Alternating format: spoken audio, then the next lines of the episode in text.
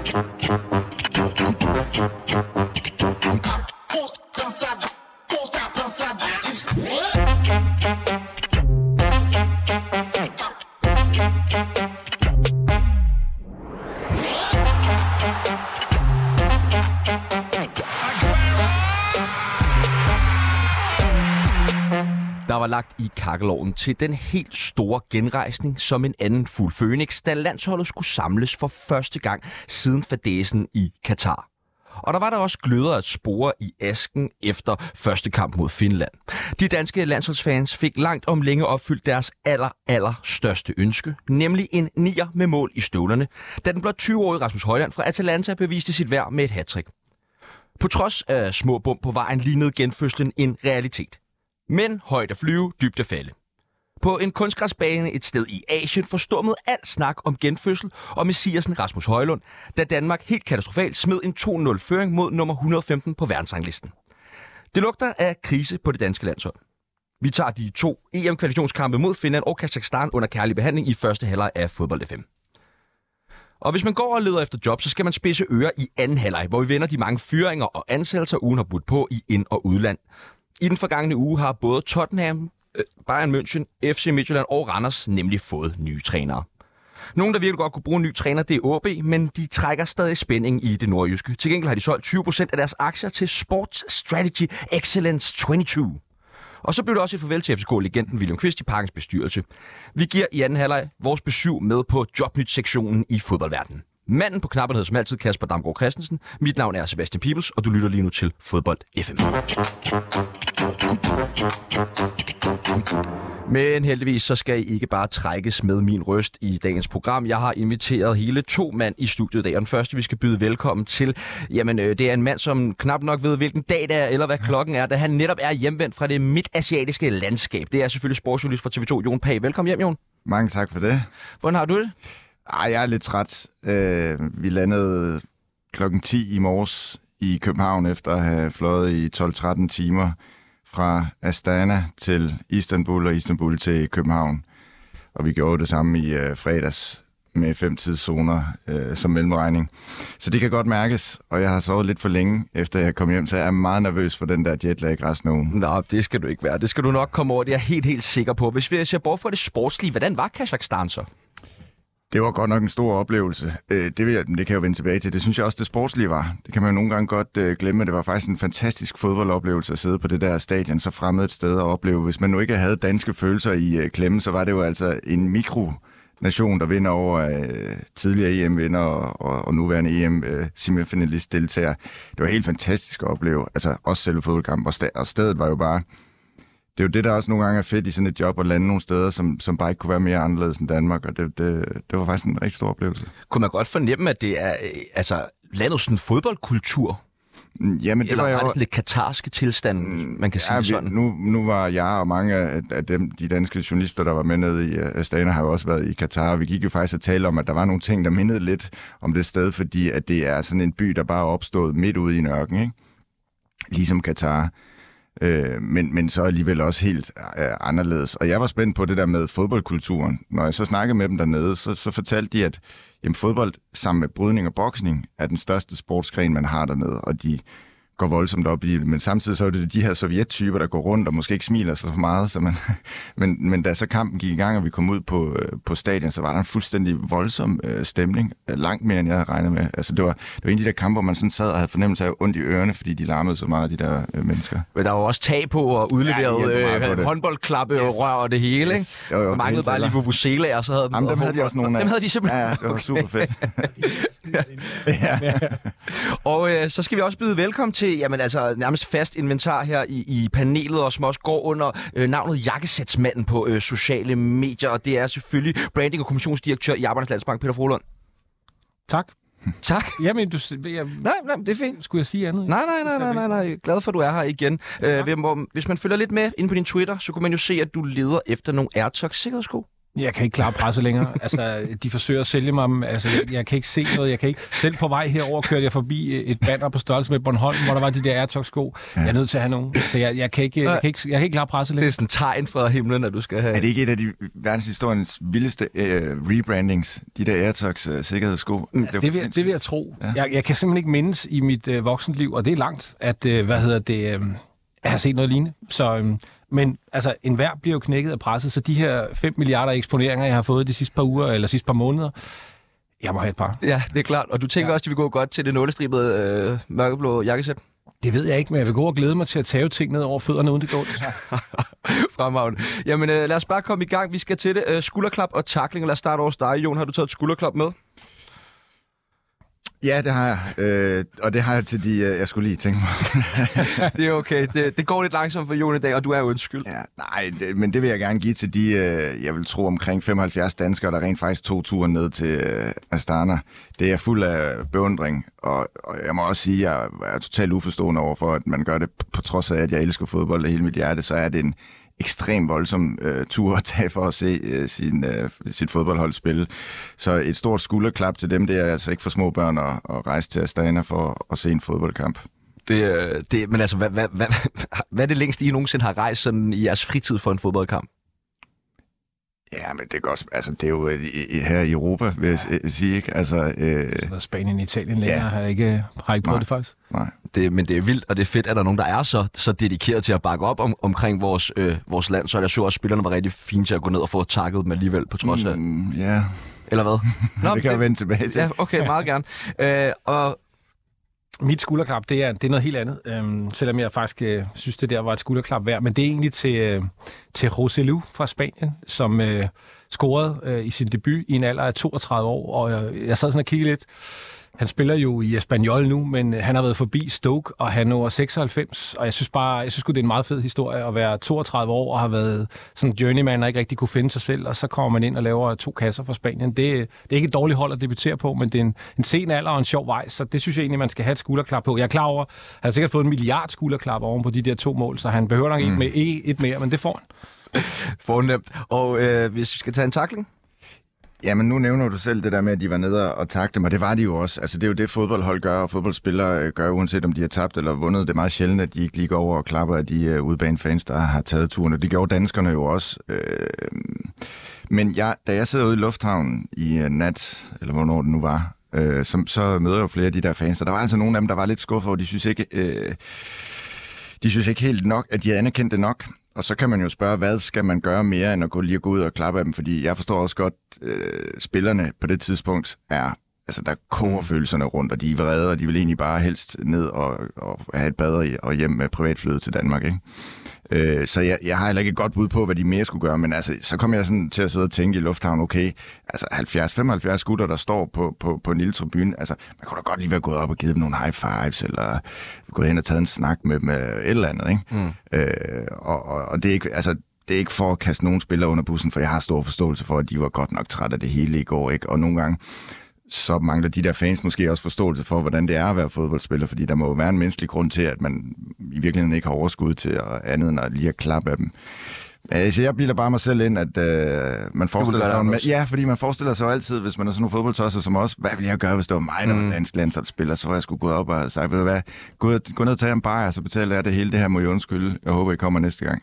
Men sådan er virkeligheden jo selvfølgelig ikke. Men hvad, hvad er jeres fornemmelse, og is- især dig, Jon, i, i forhold til, altså er den danske, det danske landshold tæt på fansene, eller er de meget distanceret? Ja, jamen, jeg synes, det, det er en svær Er de gode nok?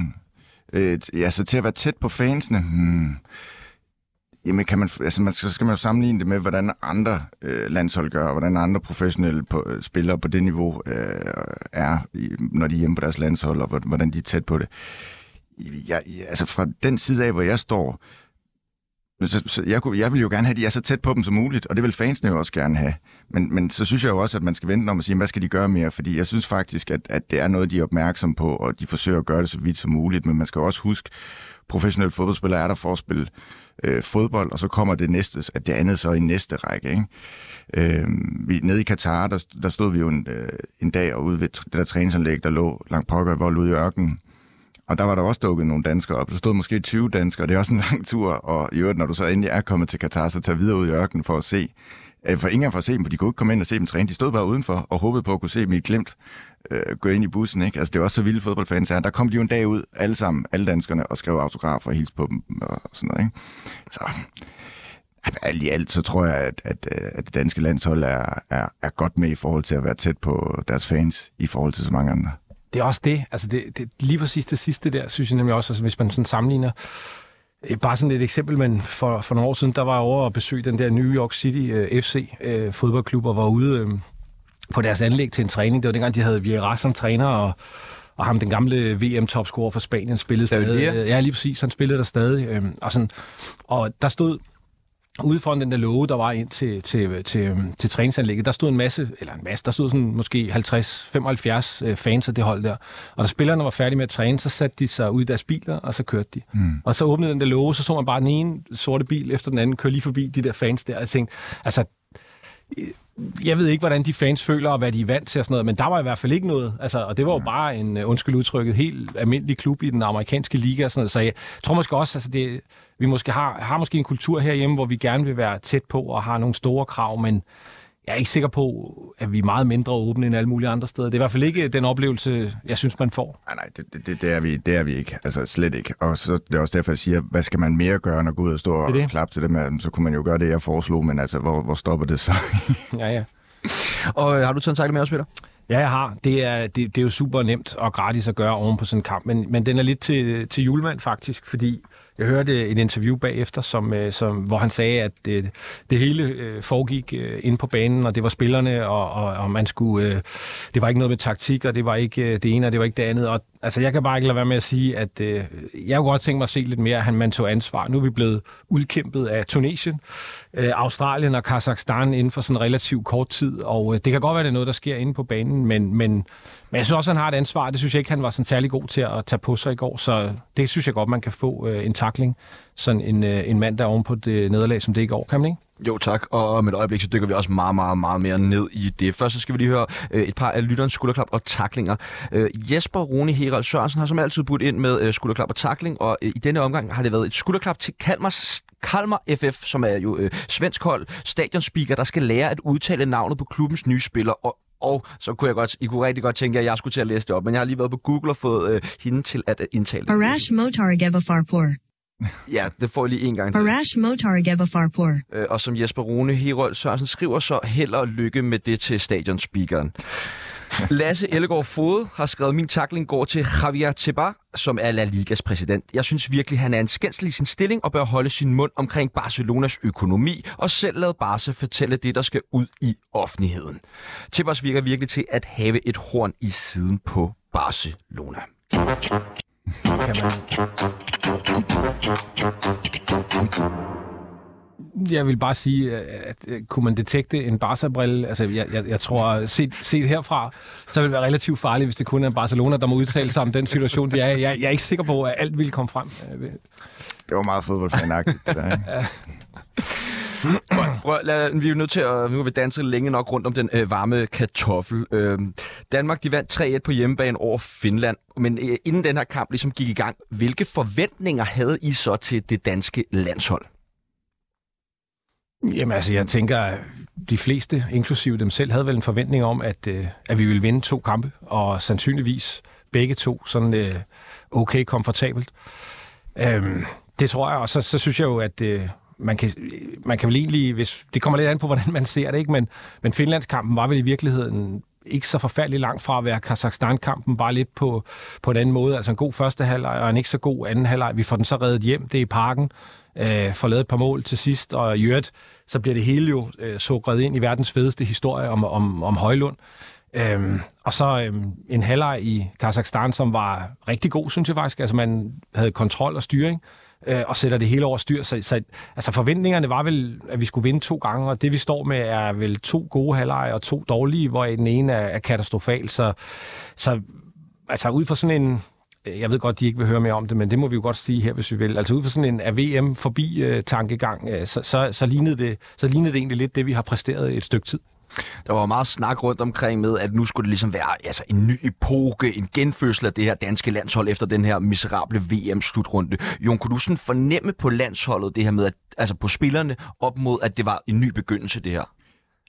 Ja, det synes jeg, men jeg bemærkede jo også, at det ikke var noget, de har lyst til at tale om. Altså, Kasper Julemand ville jo ikke kalde det en ny start. Øh, det er jo også et definitionsspørgsmål, men det, var, det er jo en ny start, når man starter på en ny kvalifikation øh, og har overstået et katastrofalt VM, og så blev det jo meget tydeligt af, at der var så mange udskiftninger i truppen, som han jo også sagde mere var betinget af et almindeligt rull, som man kaldte det, ikke? og der selvfølgelig var nogen, der var skadet, og nogen, der var ude af form, og, og så nogle andre øh, ting. Ikke? Men, men jeg tror da helt sikkert, at de har kigget på hinanden, altså, øh, og, og, eller det har de jo, det sagde de også, vi skal lægge det der VM fuldstændig bag os, det skal vi glemme totalt. Og så er det jo en ny start. Men selvfølgelig, nu siger du Peter, jeg ved godt, de ikke vil have, at vi taler om det, men det er vi jo nødt til, altså fordi de sidste fire kampe, vi har spillet, de sidste tre kampe, vi har spillet, har været øh, to øh, øh EM-kvalkampe og så en VM-kamp, som var fuldstændig katastrofal, altså mod Australien. Så selvfølgelig er man nødt til at, at, at, at, at sammenligne det med VM og se på, om man er kommet videre. Så bliver det jo mere sådan en, sådan en øh, formuleringsting, og vi, vi spurgte dem også dernede efter kampen. Jamen, kunne du mærke, at der var nogle ting, der øh, var de samme som imod Australien? Fordi det er jo Kasper Julemand selv, der bringer det mentale på banen. Spillerne bringer selv det mentale på banen efter kampen mod øh, Kazakhstan, og det gjorde de også imod Australien. Så den der nye start, som jeg tror alle fans, os og spillere og DBU havde håbet på, den, den er jo bare slet, slet ikke kommet. Hvis vi skal prøve at kigge på det spillemæssige i, i den første kamp mod Finland, altså, hvad, kunne du se, Peter, hvordan Danmark de ligesom ville spille? Var der noget nyt? Altså, fordi hvis du kigger på de sidste kampe der øh, under VM, kunne man jo ingen antydninger til, hvad Danmark ligesom ville med, med deres spil. Men var der noget nyt at spore? Nej, altså jeg, jeg synes, altså sådan gameplan-wise, så er, det vel, så er det vel mere det, det plejer, men det var jo rart at se øh, eksempelvis øh, i, i, i Finlandskampen, at øh, Alexander Bar øh, kommer, kommer på kanten og får slået nogle indlægger. Jeg tror, man har talt om, at, øh, at det, noget af det Højlund kan, altså udover at han jo selvfølgelig kan, kan løbe hurtigt og, og kan blive øh, spillet i dybden, men så er han jo også rimelig stærk, øh, som vi jo har set på de her indlæg og sådan noget. Så jeg tror, det var med vilje, man, man prøvede det, men jeg synes egentlig, synes egentlig gameplan-wise, øh, der lignede det, der lignede det, det som, øh, som vi har set.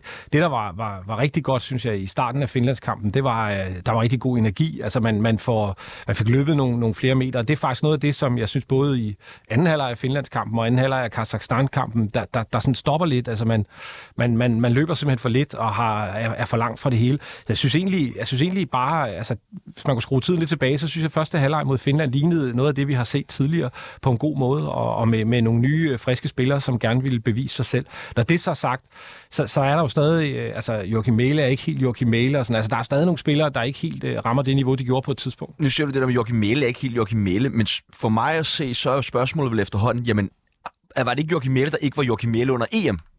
Mere end, mm. end Joachim Mæle ikke har været Joachim Mæle siden. Jo, jo, men det, det er jo det. Altså, fordi at det har jo godt, det har godt nok været meget lidt efterhånden nu, hvor han har præsteret på det niveau på det danske landshold. Jamen, det var ikke kun under EM, han præsterede. Han præsterede også op til... Øh, men jeg forstår godt spørgsmålet. Øh, men jeg har ikke lyst til at svare på det. Hvor? Jeg ved det ikke. men det, det, det, hvis du bare kigger på hans altså, sæson i Atalanta, så er det jo heller ikke, fordi han sådan der er, er fast starter og altså, har kæmpet lidt med os og kom på holdet der. Så, så altså, jeg spørger hvor god er han egentlig? Men det har du ret i. Altså, det, det er jo sådan noget, man, man altså, alt efter hvad vej man vender. Jeg håber jo på, at det niveau, vi har set, det er hans niveau, og han kommer tilbage på det. Men det, det må tiden jo vise, og, og det, som, som Jon siger, det, det, det ved vi jo ikke. Vi kan, vi kan håbe, men, men jeg, altså, jeg er enig, jeg forstår også godt spørgsmålet. Det, jo længere tid der går, jo, jo sværere bliver det. Det samme kan man jo sige øh, om Damsgaard. Altså, man, vi bliver ved med at tale om de der, hvad har han spillet, 5-6 øh, gode fodboldkampe i sin karriere. Altså, hvornår øh, kommer de igen? Kommer de igen? Så, så der er jo flere af de der, der, der har præsteret øh, på et, et eller andet peak, som vi i hvert fald ikke har set et stykke tid. Den eneste øh, forskel, bare lige for at vende tilbage til det der med, om øh, de er kommet videre fra øh, VM, så skrev min øh, kollega Morten Brun en klumme på vej hjem i, i flyverne fra Astana nu her, øh, og, og taler jo meget om det her med sårbarheden. Altså, hvor, hvor sårbart det danske landshold er. Fordi det, der trods alt var forskellen fra den kamp imod Australien under VM, var, at det var fra første startfløjt at man kunne se, at der var et eller andet galt, hvor de gik og kiggede ned i jorden, og der, der var intet, der spillede. Her taler vi så om en, en fodboldkamp i øh, Kazakhstan, hvor man har alt under kontrol. Oven i købet fører 2-0 og bare, bare skal køre den hjem i anden halvleg. Og så kommer det der kollaps så fra anden halvleg start. Så der er jo et eller andet med noget sårbarhed i modgangen, som de skal lære at håndtere. Og det er jo umuligt at spå om nu, hvor længe det var. Men, men det, er jo, det, er jo, det vil da være mærkeligt ikke at tale om, at der er en mindre krise på det mentale, når vi nu i to ud af tre kampe har hørt dem selv sige, der er noget med det mentale.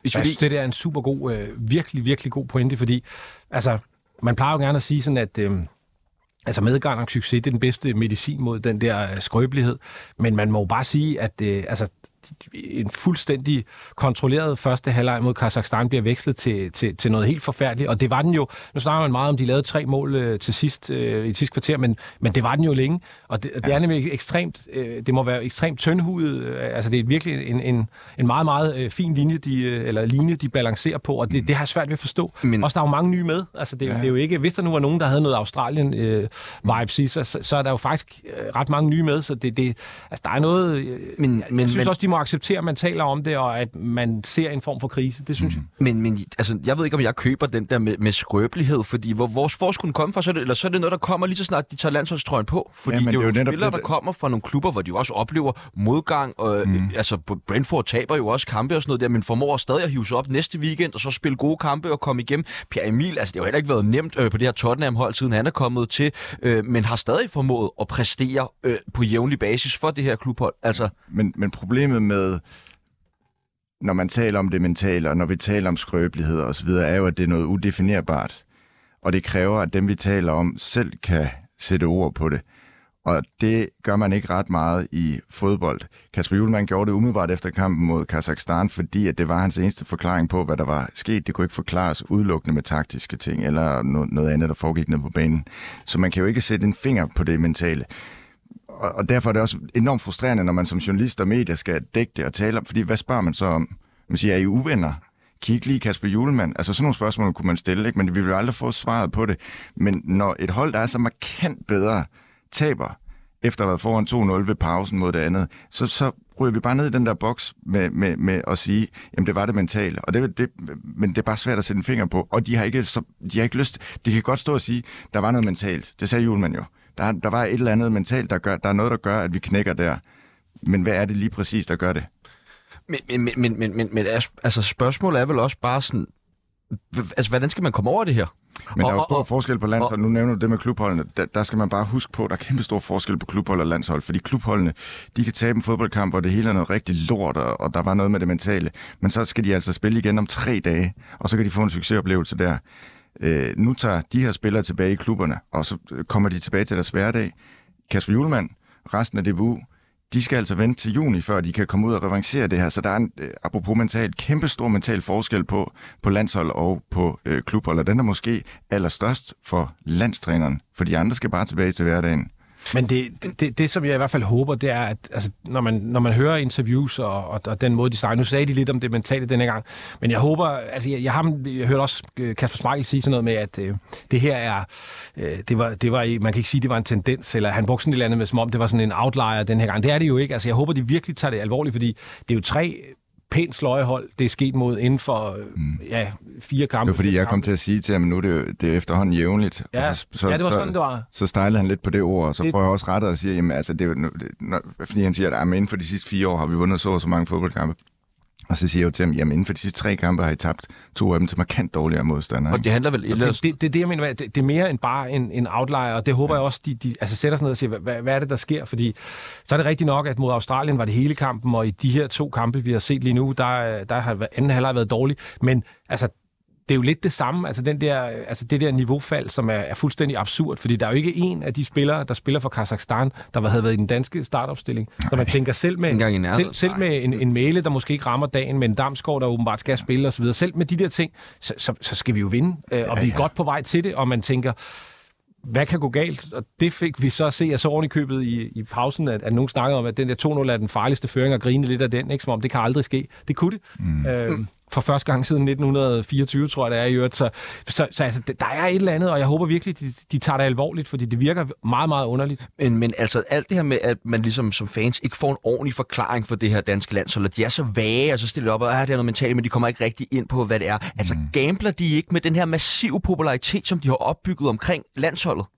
Er det ikke det ligesom den altså, konsekvens, der står i forhold til, hvis folk ikke får en forklaring på det, og de bliver ved med at underpræstere, og man ligesom ikke hører noget, men hvor skal sympatien så for det hold komme fra? Det er sjovt, fordi det var også et tema vi havde op på at vinde, før vi skulle ud og dække de her to kampe, altså opbakning til landsholdet. Og der er ikke nogen tvivl om, at med den succes, de har haft, øh, både under Harreide, men især under Julemand selvfølgelig, der har de opbygget virkelig meget goodwill hos øh, de danske fans i forhold til interesse og støtte osv., og så videre, også i forhold til, hvor mange der kommer i parken. Men, men man skal bare huske på, at den er jo ikke uendelig. Altså det er som om, vi har glemt det ikke mere end fem år siden, at vi ikke udsolgte parken, altså ikke var i nærheden, og der kvalificerede vi os også til slutrunder. Så det der med den der kæmpe store, massive interesse og støtte, kom jo netop af selvfølgelig, at vi var sportslig gode, eller er sportslig gode under øh, EM, men også alle de andre omstændigheder med, med Christian Eriksen og, og alle de ting, der nu øh, skete der, øh, og coronaperioden og så videre. Så øh, hvis man skal komme med et gæt, så vil jeg sige, den, altså for det første er den ikke uendelig, den der støtte og interesse. Og så er spørgsmålet, hvor, hvor, hvor skrøbelig den er. Øh, de skal jo, altså prøv at høre, vi er i en kvalifikationsrunde, hvor, hvor Danmark jo selvfølgelig skal kvalificeres. Og det gør vi jo også. Ja. Men det, det jeg bare synes, der er... Men man skal jo gøre det på en måde, hvor vi fastholder den der øh, støtte, ikke? Og der skal ikke mange af de her bums på vejen, men, før folk begynder at blive træt af det. Men nu så er jeg helt skråsikker, sådan der siger, altså det, Danmark skal nok også noget der, men altså med præstationerne i de her to kampe inden mente, altså man har øh, en udkamp i Slovenien, du har en udkamp i Finland, Altså, jeg ved godt, at... Men sportsligt set, der, der, vi kan godt sidde og snakke om, at, at hvis du kan tabe til Kazakhstan, så kan du tabe til stort set alle de andre hold, måske lige på nær San Marino. Ja. Men det må simpelthen ikke ske. Altså prøv at der er... Men det har du også sagt i den kamp til Kazakhstan, ja, hvis jeg har sagt. Ja. Der, altså taber der jo til Kazakhstan, bare sagt, det må ikke ske. Men så må vi også komme uh, landsholdet og julemanden i møde og sige, desværre kan det ske i fodbold, at en gang imellem der kommer et freak-resultat. Nu er det totalt afgørende, hvad der kommer til at ske øh, i, de, øh, i de følgende kampe, altså så de ligesom kommer tilbage og viser deres øh, niveau. Men de skal vise os, det er et freak-resultat, fordi det, det ligner ikke, at det nødvendigvis behøver at være det, når man ser tendensen, men bare lige få det der tilbage med, med støtten, eller for at gå tilbage til det, mm. altså så, så synes jeg jo, altså hvis de vælger den stil, de har nu, hvor de ikke er åbne, så må de også acceptere, at så er støtten jo baseret på resultater, fordi du kommer ikke tættere på dem, og du har ikke det her forhold, så, hvor, hvor man vil bakke dem op uanset hvad. Så altså, det, jeg synes, den største gambling, det er jo, at altså, kommer de ikke tættere på, er de ikke bedre til at forklare, øh, hvad der sker, og, og, og hvad de tænker og tror, jamen så kommer der de folk, der kommer i parken øh, alene ud fra, at resultaterne er gode nok. Og der tror jeg ikke, man skal lave mange Kazakhstan-kampe, før at så, så ser vi igen, at der måske ikke nødvendigvis er udsolgt. Jeg tror, Fordi det... er nemlig enige, det er ikke så længe siden, altså man tænker, at tænker landskamp i parken, øh, det er udsolgt hver gang. Det er det jo ikke. Altså det, det, det, det, det kan, jeg kan sagtens huske det. Ja, ja, ja, for det er ikke mange år siden. Nej. Altså der har rettet to år, der, der, der udsolgt ikke nødvendigvis parken. Men netop det her med at, at, at faktisk at tale noget mere om, problemerne, hvis man kan sige det på den måde. Ikke? Det tror jeg, de vil komme sindssygt langt med, for det var det, der fik os til at, at, at forelske os fuldstændig det her hold. Det var den der enorme skrøbelighed i for, forbindelse med Christian Eriksens øh, hjertestop og hans ulykke, for det var sådan en, en fælles øh, sorg øh, og chok, danskerne var i, og der var de enormt gode til at, at tale om det, men det handler om alt andet end fodbold. Det handler om Christian Eriksens ulykke, men de var vildt gode til at vise den her sårbare side, og det fik os jo til at elske dem helt, eller danskerne til at elske det danske landshold helt sindssygt meget. Så når nu, at de skuffer sådan, som de gør til VM, og Kasper Julemand går ud og siger, at vi skal evaluere det her, vi skal tage os nogle snakke, vi skal kigge hinanden i øjnene, og så finder vi ud af, hvad vi gør. Når man så kommer ud og bare helt kort, og egentlig ikke vil fortælle, hvad er det så, vi har talt om, men bare siger, at vi er blevet enige om, at, øh, at vi fortsætter, samarbejdet. Jeg er landstræner, og vi har fået talt de her øh, ting ud. Der, der tror jeg, at man kunne komme langt med. Man skal selvfølgelig ikke afsløre alt eller fortælle alt, men vise en skrøbelighed og sige, fortælle helt konkret, hvad er det, jeg har gjort? Hvad har jeg brugt den her periode til? Har jeg sat mig ned og talt med hver enkelt spiller? Fået renset luften med dem, jeg måske ikke er lige så tæt på som med nogle andre og sådan noget. Så en skrøbelighed skal man bare ikke kimse af, fordi det indeholder vi alle, og øh, kan man i en fodboldverden, som er så macho, vise lidt skrøbelighed, i forbindelse med, med en nedtur og en skuffelse, så tror jeg, man kommer sindssygt langt. Men, men, men, men, men hvorfor er det, at, at de er så skrøbelige? Altså ved det her landshold, det bliver, vi bliver nødt til, altså, vi bliver ja. nødt til at komme lidt... Altså, men, hvad er det, der gør, når de tigger i den her landshold? Er det, er det Kasper Julemand? Men, men det var det, jeg sagde før, det er jo svært at sætte en finger på. Og det er også svært at tale om, når vi ikke ved, hvad der sker de næste to, tre, fem kampe. Men, men vi kan jo kun kigge tilbage og se på de seneste kampe, altså de to EM-kvalkampe og VM. Og der har der været noget skrøbelighed.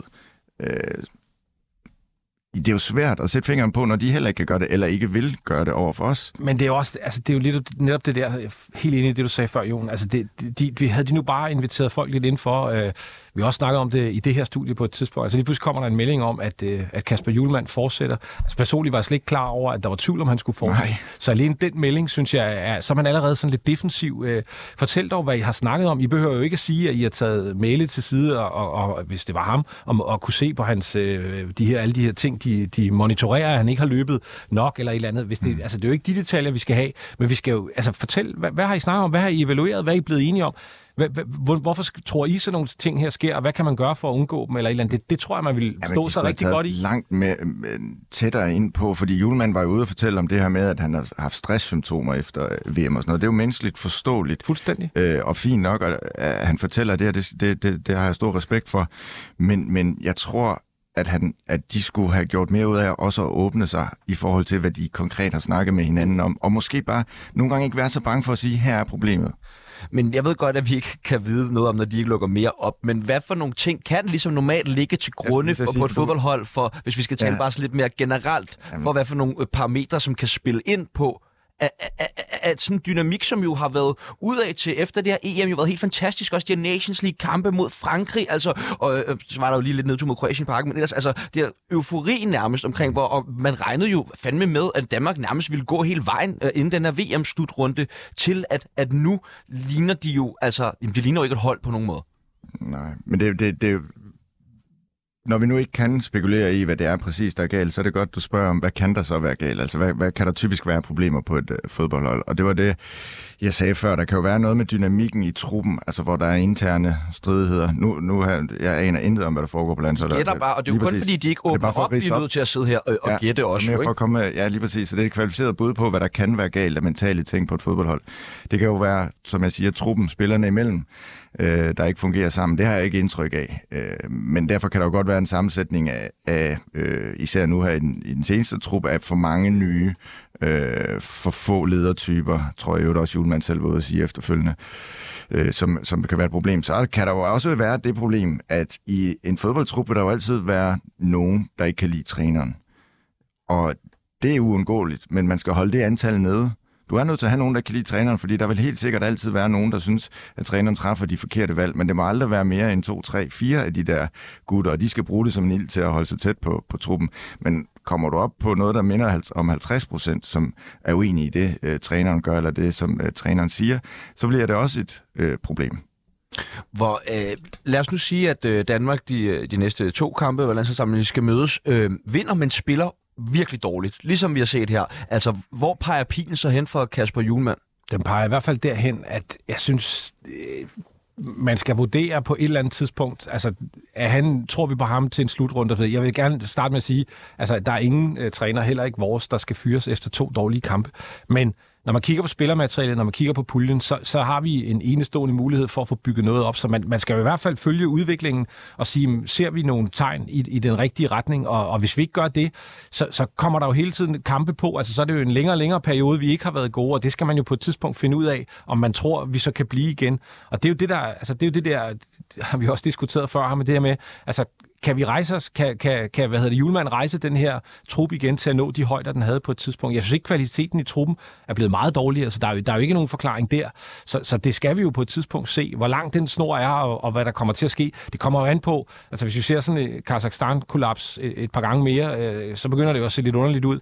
Men, men vinder vi, og, og det ser måske lidt bedre ud, så trækker det nok lidt mere ud, men altså, jeg, jeg er enig i, at altså, vi, vi, det, der er eksamen nu for alle, øh, både, både truppen, men selvfølgelig også øh, hele staben rundt omkring. Det må der være.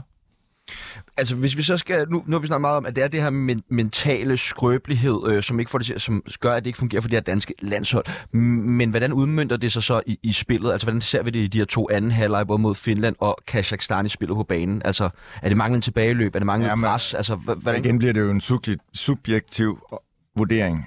Jeg var jo på stadion til kampen mod Australien. Det er den vildeste og forstået på den måde, dårligste fodboldoplevelse, jeg har haft nogensinde, tror jeg. Fordi for det første var der totalt dødt på det der øh, stadion, og så kunne man se fra første minut, at der var noget galt. Altså man kan jo bedst billedligt gøre det ved at sige, at jeg så altså flere spillere, der bare gik og kiggede ned i øh, jorden, og her snakkede vi allerede efter et kvarter spil i første halvleg. Øh, og der var det jo en, anden, det var en anderledes oplevelse i øh, Kazakhstan, hvor det var et, et, mere normalt dansk landshold, men så havde man bare den samme fornemmelse fem minutter inden i anden halvleg. men hvor man alligevel tænkte, jamen okay, så er det godt, vi får en 2-0, fordi der er trods alt så stor kvalitetsforskel, at det kan de ikke smide, men man havde den der fornemmelse, synes jeg, efter fem minutter, der er et eller andet her, der ikke helt spiller. Så der må sidde, det må det bliver fluffy at sige, men der må sidde en sårbarhed og en frygt for, øh, at, at tingene går galt siden, at, at øh, det der kunne ske. Og så er det bare sådan, at altså, som jeg så det, så stopper man jo med at, spille fremad. Man tror, man sådan kan spille bolden rundt, og man kan presse lidt halvhjertet. Og selvom vi, man møder et halvdårligt hold, så, så er det jo stadig et hold. Øh, I hvert fald som jeg så dem. Det kan være, det virkede anderledes på stadion, men, men set på tv, der synes jeg, det, altså, det er jo ikke super dårlige teknikere alle sammen. Så hvis du sidder lidt dårligt i dit pres, hvis ikke du får, får øh, hvad hedder det, jeg forsøgt at skabe noget selv og overgive initiativet, så er de jo heller ikke dårligere, end så tager de jo pænt imod det. Det var og så synes, teknisk meget gode. Ja, ikke? Altså, det, det var også min oplevelse, at, at, at det der med at komme sådan et, et, en halv meter for sent i presset, så spillede de jo bare udenom. Og altså, når man først ligesom er kommet sådan et par gear ned, som jeg synes, vi kom, så synes jeg virkelig, vi struggler med at få de gear tilbage. Og jeg synes, noget, en af de ting, jeg så havde tænkt på i går, øh, man snakker så meget om, det var dårlige udskiftninger, han lavede, og, og de ikke rigtig gjorde noget for holdet. Det, altså, det kan man jo ikke diskutere, øh, fordi det var i, i den sidste halve time, målene gik ind. Men altså, skaden var jo sket før. Det han prøver, som jeg ser det at gøre, det er jo at sende noget brændslukning ind. Men det er bare svært, hvis du har 7-8 mand, som, som, ikke, altså, som måske spiller på 85 procent, og som bliver mere og mere usikre og, og, og stopper med at angribe og true. Vi troede jo stort set ikke øh, Kazakhstan i anden halvleg jamen så er det bare svært at vinde. Øh, og, og, det, det, var, det, det, altså det er det hele. Altså så, så kommer man for sent i presset, så løber man mindre, så har man ikke bolden, og, og pludselig så øh, koger det hele. Og altså det der, det der 3-2-mål, altså jeg, nu ved jeg ikke, hvor det var, var nede, men det lød som om taget var ved at ryge af. Det var, altså det, det, var, jeg bliver det var lige nødt til at gentage, det var altså en, hvis, man- hvis man kan tage danskerne brillerne af, og det kan man jo ikke lige i sekundet, det sker, men det kunne jeg ret hurtigt efter, da jeg kom ud fra det, fra det stadion, så var det altså en fed oplevelse. Helt vildt. Jeg stod jo også nede under tribunen efterfølgende, og de der sådan lidt store, maskuline, øh, tidligere øh, sovjet-type mænd i jakkesæt, som sikkert kommer fra forbundet eller whatever, de stod simpelthen og græd og kastede sig i armene på hinanden. Alle var fuldstændig op at køre inde på det øh, stadion. Det var, det var mega fedt. Men jeg, jeg blev mærke i, at øh, for lige at vende tilbage til det andet, at Julemand sagde, at øh, altså, man skal løbe de defensive meter, og man, man skal hvad hedder det, komme højere i presset, man skal forsøge at spille bolden fremme, alle de her ting. Øh, og jeg, jeg tænker bare, altså, det gør han sikkert også, og der er lang tid i flyveren hjem til at gøre det, men man er nødt til at spørge sig selv. Professionelle fodboldspillere, der, der spiller i Brentford, der spiller i øh, Espanyol, alle mulige andre, nu han ikke men alle mulige andre spillere, øh, alle mulige steder. Altså, hvad er det, der gør? De ved jo også, hvad der skal til. Altså, hvad er det, der gør, at det stopper øh, i, i en anden halvleg i Kazakhstan? Det er jo, det er jo, Jamen, det, det, er jo, det er jo det virker skræmmende. jo så syret. Altså, ja, det det må virker de så syret, kommer ja. fra sidste kamp til VM Australien, hvor Jon siger, at de gik og kiggede ned øh, altså, inden for de første fem minutter, at man så ikke kan, kan sætte sig op til de her to kampe.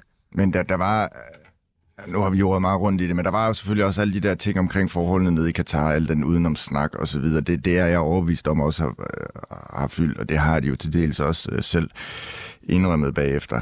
Men, men jeg tror da for deres vedkommende handler det også om, at de ikke må blive øh, for hysteriske nu. Altså det er vores opgave at blive det, og de danske fans at, at blive det. Sådan så det ikke lige pludselig bliver et for stort monster under sengen, det her med, at vi mentalt ikke klarer os godt imod Kazakhstan og imod Australien.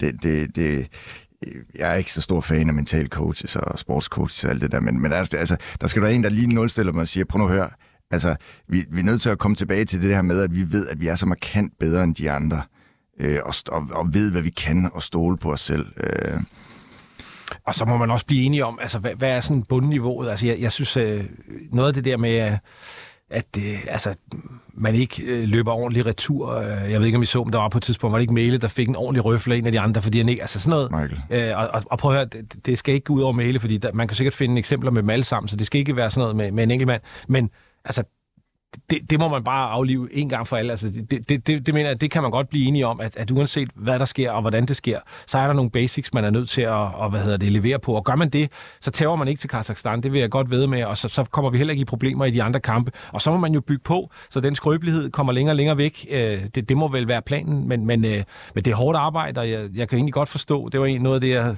synes var spændende i det, Julemand sagde, det der med, at nu tager spillerne jo tilbage til deres klubber, og, og på lørdag spiller de igen, og nu kan han gå og skumme, eller hvad det var, han sagde øh, indtil Ja. juni måned. Ja. Øh, så det, jeg håber virkelig også, at han bruger den tid på at forklare spillerne, at, at øh, altså det her, det, det kan vi ikke, det er et bundniveau, vi ikke kan have, og, og det kan man godt beslutte sig for, fordi der er nogle ting, nogle basics, man, man godt kan levere på, som, som heller ikke bliver leveret på må- i anden halvleg. Og vi må også acceptere, at det, de siger med, at vi må lære af det her, det kan jeg nogle gange sige, ja, nu vil vi have en forklaring, men det er jo rigtigt nok, de skal lære det her, og noget af det, som jeg tror, julemand kommer til at tænke meget over, det er trupsamsætningen. Altså, fordi vi må heller ikke glemme, at Christian Eriksen var ude med en øh, skade. Delaney var ikke med, fordi at han er ude af form nede i Hoffenheim. en del andre af de lidt ældre og mere rutinerede spillere, som netop er med til at holde humøret op på det her hold, og som i høj grad står for kulturen på holdet. Og det er altså Michael, eller, undskyld, øh, Thomas Delaney, har været en kæmpe figur på det danske landshold og, og stået for rigtig meget det der med at, at, at have en kultur, der var sund på landsholdet. Eriksen i øvrigt også bare på sin egen lidt mere stille måde. Josef Poulsen især, men, en kæmpe øh, figur på det danske landshold. De var der jo bare til VM.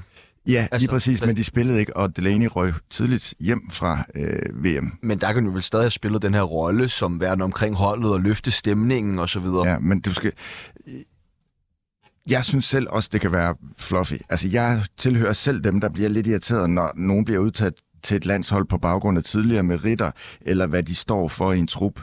Men jo ældre jeg bliver, jo mere må jeg nok også erkende, at landshold er så specielt i forhold til klubhold, at den del faktisk tæller ret meget. Så det her lyder helt skørt, men det er jo Julemand jo siger med Josef Poulsen var, han var sgu også med til VM, fordi at han er så stærk en karakter i den der trup. Og så kan han selvfølgelig spille fodbold, hvis der var blevet brug for det. Det kan man så diskutere, om der, der, der gjorde. Men jeg, jeg har det, jeg, jeg er fuldstændig enig i det, du siger, det vil jeg gerne men, men mm. et eller andet sted, så kan jeg bare heller ikke lade være med, altså, vi har folk fra Premier League, vi har, mm. vi har, altså, vi, vi har øh, folk fra Serie A, mm. vi spiller mod Kazakhstan, det, det er virkelig underligt, det er nødvendigt, ikke? Jeg, jo, jo. Altså, og, og prøv at høre, jeg, jeg er enig det burde, alt, det, burde det heller ikke men, men det er også det, man tænker, altså du burde jo kunne udtage... Øh, altså, øh, bare kigger på vores altså, bagkæde, det er jo altså øh, Mæle for, altså nu ved jeg godt, at han ikke starter så meget, så Simon Kjær for AC Milan, altså øh, øh AC for Barcelona, altså højre bak for Benfica, der har spillet den her drømmesæson, altså det er jo... Vi har fuldstændig magisk godt landshold, det kan vi ikke blive enige om herinde. altså, altså, øh, det har vi virkelig, ja. det har vi virkelig. Men altså alligevel, altså så laver Julemand de her, den her indskifter i, i anden halvleg i kampen mod Kazakhstan, altså Stryger, Billing og Darami. Darami, som har en fantastisk sæson for FCK, øh, Billing i Bournemouth også sådan noget. Men, altså, men, men det falder jo fuldstændig til jorden efter ja. de her indskiftninger også. Jeg tror nok også, at øh, den, den er ikke blevet bekræftet, men jeg mener, at han var lidt bekymret for, at Alexander bare havde fået et skrub, og måske havde svært ved at, at spille færdigt. Det kan i hvert fald være forklaring på Stryger øh, indskiftning, som jo ikke var logisk på det tidspunkt, fordi så havde han nok ikke, øh, altså så havde han nok lavet en dobbeltudskiftning bare med Billing og med Darami. Men det er jo blevet diskuteret helt vildt efterfølgende med de der øh, udskiftninger, som Peter siger. Når det nu går så galt, så, så er det jo svært ikke at være enige om, at det ikke var den, den rigtige beslutninger. Ikke? Øh, det, men det, ja. jeg kunne godt lide ideen om at tage Billing ind på det tidspunkt, faktisk. Jeg synes så heller ikke, altså det, det er også, altså jeg håber, at, at altså, efter hvad hedder sådan noget, rationaliseringen er øh, mere nuanceret, end at man tænker, at, at Billing og Darami koster og stryger. Ja, det gør de jo ikke. Nej, nej, nej. Altså, at boblen var punkteret på det tidspunkt. Ja, ja. Jeg synes jo, at, altså, uden at, altså, jeg synes ikke, at Billing var sådan specielt dårlig. Øh, nej, det, det, var bare, det var bare, altså de kom ind på, på et tidspunkt, hvor at uh, Rusjebanen bare begyndte at køre ja. nedad. Og så må man så sige, at de tre var ikke dem, der kan stoppe dem i at køre nedad. Det, det, kan, man, det kan man sige. Men, men, men altså, det var, jeg, jeg tror, havde man lavet nul udskiftninger, så havde vi stået i øh, nogenlunde den samme moras, det tror jeg. Men det er sjovt, fordi jeg sad lige bag ved Danmarks bænk øh, dernede på stadion, og der var så stor aktivitet og tvivl om, hvad man egentlig skulle gøre. Altså, der var flere spillere, der troede, de var på vej ind, så bliver de kaldt tilbage, og der står Julemand jo hele tiden og vurderer og kigger og så videre. Og jeg tror faktisk, at hans første plan var, at han ville have Sanka ind, og måske gå over til en tremandsbagkæde, altså øh, det, som jeg mener en femmandsbagkæde, men altså med tre meter forsvar, ikke? Øh, og så sætte Brathwaite ind for at tro med endnu mere fart øh, op foran. Og så ved jeg ikke, hvad det er, der vælter den plan, fordi de, de, de var mere eller mindre øh, færdige, opvarmet og klar til at blive skiftet ind. Øh, jeg havde næsten lidt, øh, eller det, det er jo lige meget, jo, jeg havde sgu lidt under Sanka, fordi han havde taget øh, sin opvarmningstrøje af, og vi ved jo alle sammen... Der var også af ham siddende i overtræks. Ja, ud altså han, han stod klar op ja. ved, ved midterstregen og skulle ind, og så sker der nogle ting, der gør, at han ikke kommer ind, og det, jeg, tror, jeg mener, det er, fordi de scorer til 2-2. Øh, og så ændrer han på planerne der. Der går det jo så hurtigt, at scoringer til Kazakhstan også ændrer Julemands planer øh, og de ting, han havde oppe i hovedet. For lige pludselig så skal han bruge noget andet end en, der kan komme ind og afsikre ned bagved. Så skal han op og jagte det her mål. Ikke? Men løser Julemand det så godt nok? Nej, det gør han ikke. Altså, når du ser, det, det synes jeg, det, det, han er en del af det, og, og når, når man står i en situation som den her, øh, så, og ender, som der, ender, der ender, som det gør, så er der ikke kun én ting at sige, det er, at han fejler også. Altså, han løser ikke situationen rigtigt, og altså, nogle af de her øh, valg, han skal tage, skal han jo selvfølgelig også tage øh, øh på et splitsekund, og han har varmer nogen op og tror, at de skal ind, og det skal de ikke alligevel, og alt det der. Og hvad er den rigtige beslutning? Det kan man jo altid kun se bagefter, og der er masser af gange, hvor vi har rost og sagt, at han har skiftet godt ind, og indskifterne har gjort en forskel, og, og han har, har kunne levere noget ekstra øh, fra bænken. Den her gang må vi sige, det kunne han ikke, øh, og, og, og da det begyndte at gå nedad, der kunne han heller ikke vente. Og det er bare, altså, det er bare en objektiv sandhed, altså det, det kunne han ikke. Og det er jo også en del af det, altså, øh, når der skal evalueres, og sige, hvorfor kan vi ikke det? Altså vi, igen, vi møder et hold, der er væsentligt bedre. Øhm, det begynder at, at, at bløde lidt. Kan vi stoppe blødningen? Nej, det kan vi ikke. Det er jo også en konklusion, vi må tage. Er det den største skuffelse i nyere tid for det danske landshold, det her? Altså, ja, men, men, men det, det, det, der for mig lidt af forskellen er, at det her ikke er afgørende. Nemlig. Altså for selve kvalifikationen. Og derfor er den altså til at spise. Vi Kan har, det jo vise sig at blive? Ja, det kan det, men så, vi har så langt et aftræk øh, nu til den her kvalifikation, at jeg, når jeg kigger på den pulje, vi spiller i, øh, kan jeg ikke forestille mig, at det kan gå galt. Og det kan komme til at bide mig rigtig hårdt væk Ja, det- Men, men, men det er det, der gør forskellen for mig, fordi jeg synes, det var markant mere øh, skuffende med den kamp imod Australien. Jeg var også inde til Danmark-Armenien, det var jeg faktisk i parken, og se dem tabe 4-0 der. Altså, Men så de det, havde nogle gode fodboldspillere. alt. Armenien? Ja. ja, ja, men stadigvæk. Ja, ja, den var hård, men det er jo et meget, meget bedre hold. Men, men det er jo det der med, at, at vi er i starten og, øh, af en- af en kvalifikation, det gør altså en stor forskel øh, for mig. Øh, så så, så, så det, kan, det kan ende med at blive den største skuffelse. Men Nogensinde. præstationen, altså jeg, jeg er fuldstændig enig, og jeg- Australiens kampen slår alt, fordi den var så afgørende, som den var. Men isoleret set, at føre 2-0 i pausen mod øh, nummer hvad? Øh, 115. 115 på verdensranglisten, og, og sætte, det, sætte det over styr, det, det, er, det, det er relativt sløjt. Det bliver vi nok nødt til at konstatere. Ja, isoleret set er, er der ikke nogen tvivl om, at den er right up der. Jo, dine kollegaer, de fik jo ikke lov til at tale med Rasmus Højlund lige efter kampen, da øh, anfører Simon Kjær tog ham væk. Men det gør jeg. Det gør du, nemlig. Det ved jeg, og det kommer vi også til om Okay. lidt. Men hvad tænker du om den situation med Simon Kjær, både personligt, men også i forhold til øh, dit arbejde? Åh, den synes jeg er svær. Jeg tror nok, fagligt vil jeg altid være imod, at voksne mennesker ikke skal have lov til at udtrykke deres umiddelbare følelser i det øjeblik, at de har de der umiddelbare følelser. Øh, og det er nok også det, jeg læner mest imod. Men jeg er blevet så mild med årene, så jeg forstår, jeg forstår godt Simon Kjær. Altså, øh, men hvis jeg sådan skal ej, jeg holder fast i, at jeg, vi må sgu ikke være så bange for følelser. Men Simon Kjær har levet et helt, liv, et helt fodboldliv, hvor han ved, hvad konsekvenserne er at sige, øh, nogle ting kan være. Altså, fordi Højlund var fuldstændig op at køre. Jeg ved ikke, om man fik det med på tv-billeder. Der var jo på et tidspunkt en af de danske spillere, der måtte gå hen og tage fat i ham, da de kom bagud 3-2, og de ligger og presser med de der frispark op. Han kan slet ikke være i det. Han går rundt sådan her, slår med armene, og, og altså, kan slet ikke komme ud af den der Ej, er det gigantiske Det, det, jeg synes, det er så fedt. er helt vildt. Det er så fedt. Og han kommer ned, altså de andre gik ind i, jeg, jeg, lige snart kampen slutter, så går jeg jo ned under øh, tribunen, øh, hvor der er sådan et, øh, det man kalder et mixzone eller flashområde, hvor man interviewer. Og der kommer alle spillerne ind, og, de, og der hvor jeg står. Og de, de fleste af danskerne kom bare ind med slukkede hoveder og sådan noget, ikke? Højlund prøvede, han så godt, at vi ligesom stod der, så han går lige forbi der, men en meter efter, så var han også bare i gang med at splitte alt. Altså han kunne slet ikke være i det der. Så jeg tør ikke at tænke på, hvad Rasmus Højlund kunne have fundet på at sige. Men, men så jeg, det er bare for at sige, jeg forstår godt uh, Simon Kjær, men, men nej, jeg mener da selvfølgelig, det er det, fodbolden lever af, det er følelser, så selvfølgelig skulle han have, have Men talt med os. Ja, vi skal Det, jeg bare ikke kan lide ved det, fordi jeg, jeg, jeg er enig, og lige da det skete, så tænker jeg også, at det er nok meget fornuftigt, helt ærligt. Ja. Men det, jeg ikke kan lide ved det, det er, altså, altså hvad er det, Simon Kjær bestemmer om, hvem der skal i medierne? Altså, jeg, jeg kan ikke lide, at man ligesom lader det være op til ham. Altså, hvis, hvis der er et problem med en spiller, som er, er for meget op at køre, og så er jeg jo fuldstændig enig i det, du siger med, at vi vil da gerne se følelserne. Jeg mm. tror, uanset hvad han havde gjort, om så han havde ødelagt jeres udstyr, så havde man kunne forstå det. Altså, så, så jeg, er ikke, jeg er ikke så bange for, at han kunne have, have lavet noget, der havde chokeret verden på den måde.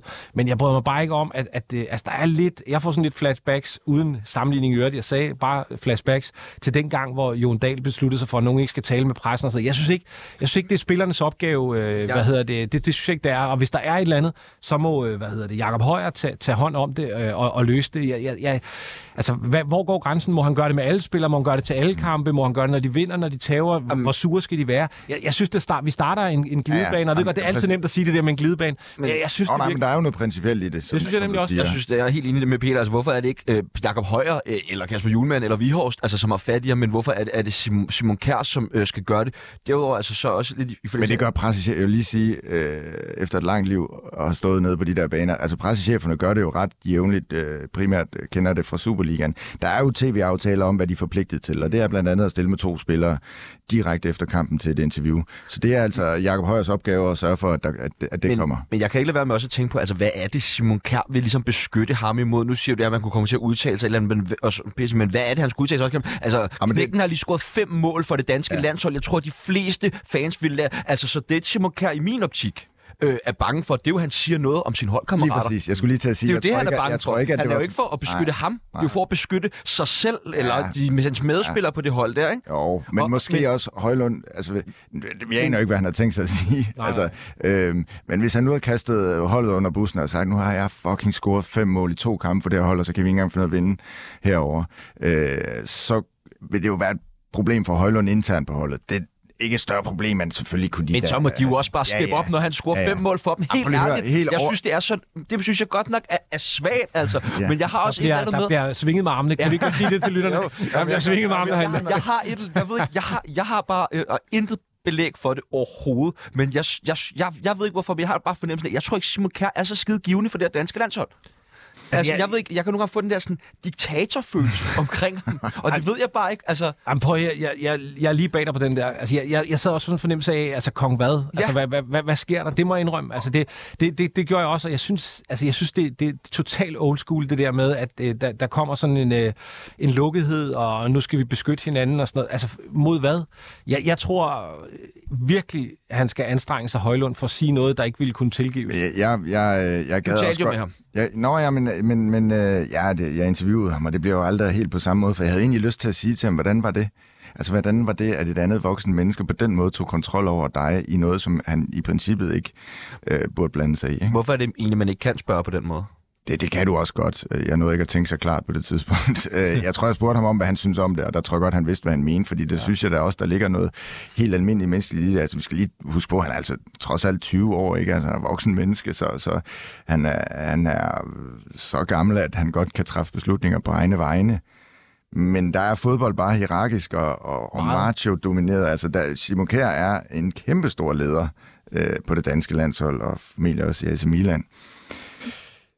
Jeg kender mig selv godt nok til, hvis jeg som 20-årig havde spillet på et fodboldhold, og der kom en, en 34-årig holdkammerat og hævde mig væk på den måde der, så havde jeg nok i øjeblikket gjort det, men så bagefter havde jeg sagt, prøv at det bestemmer jeg fandme selv.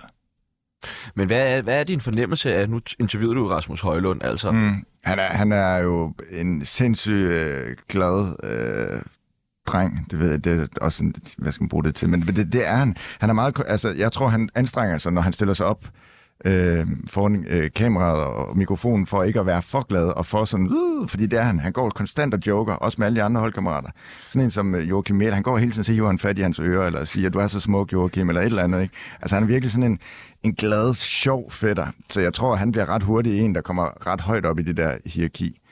Øh, er min fornemmelse ud fra det, jeg har, har fulgt med nu. Ikke? Og så er det bare fedt at se. Jeg synes, alle billeder, alt man overhovedet har set, der går han rundt med et smil på, Ja, på det er læberne. så fedt. Det, det kan bare et eller andet, det der sådan overdrevet glæde. Og så, nu har der jo været et hav af de der vand i brillerne reportager fra hans barndomsklub. øh, Men alle billeder, der er der, der, er jo også, der, der går han jo også med sådan en væg til væg smil. Det er simpelthen fantastisk. Altså det, det, er, det, det, det virker til at være sådan lige, lige sådan en karakter, man måske også øh, har brug for, apropos det der, vi sagde med at komme tæt på fansene. Altså det der med, at, at øh, man kan se, øh, hvad han føler, og det ser ud til at være glad hele tiden. Ja, og så er vi tilbage ved den pointe om, at det må vi, ikke, det må vi simpelthen ikke pille af dem, og vi må ikke lade de ældre spillere pille det der. Nemlig. ud af dem, fordi i, som jeg sagde, det der med min fornemmelse er, at han faktisk forsøger, så vil han gerne virke lidt mere voksen, og nu skal det ikke være for fjollet, når jeg står og taler med TV2 eller nogen andre øh, foran et kamera, ikke?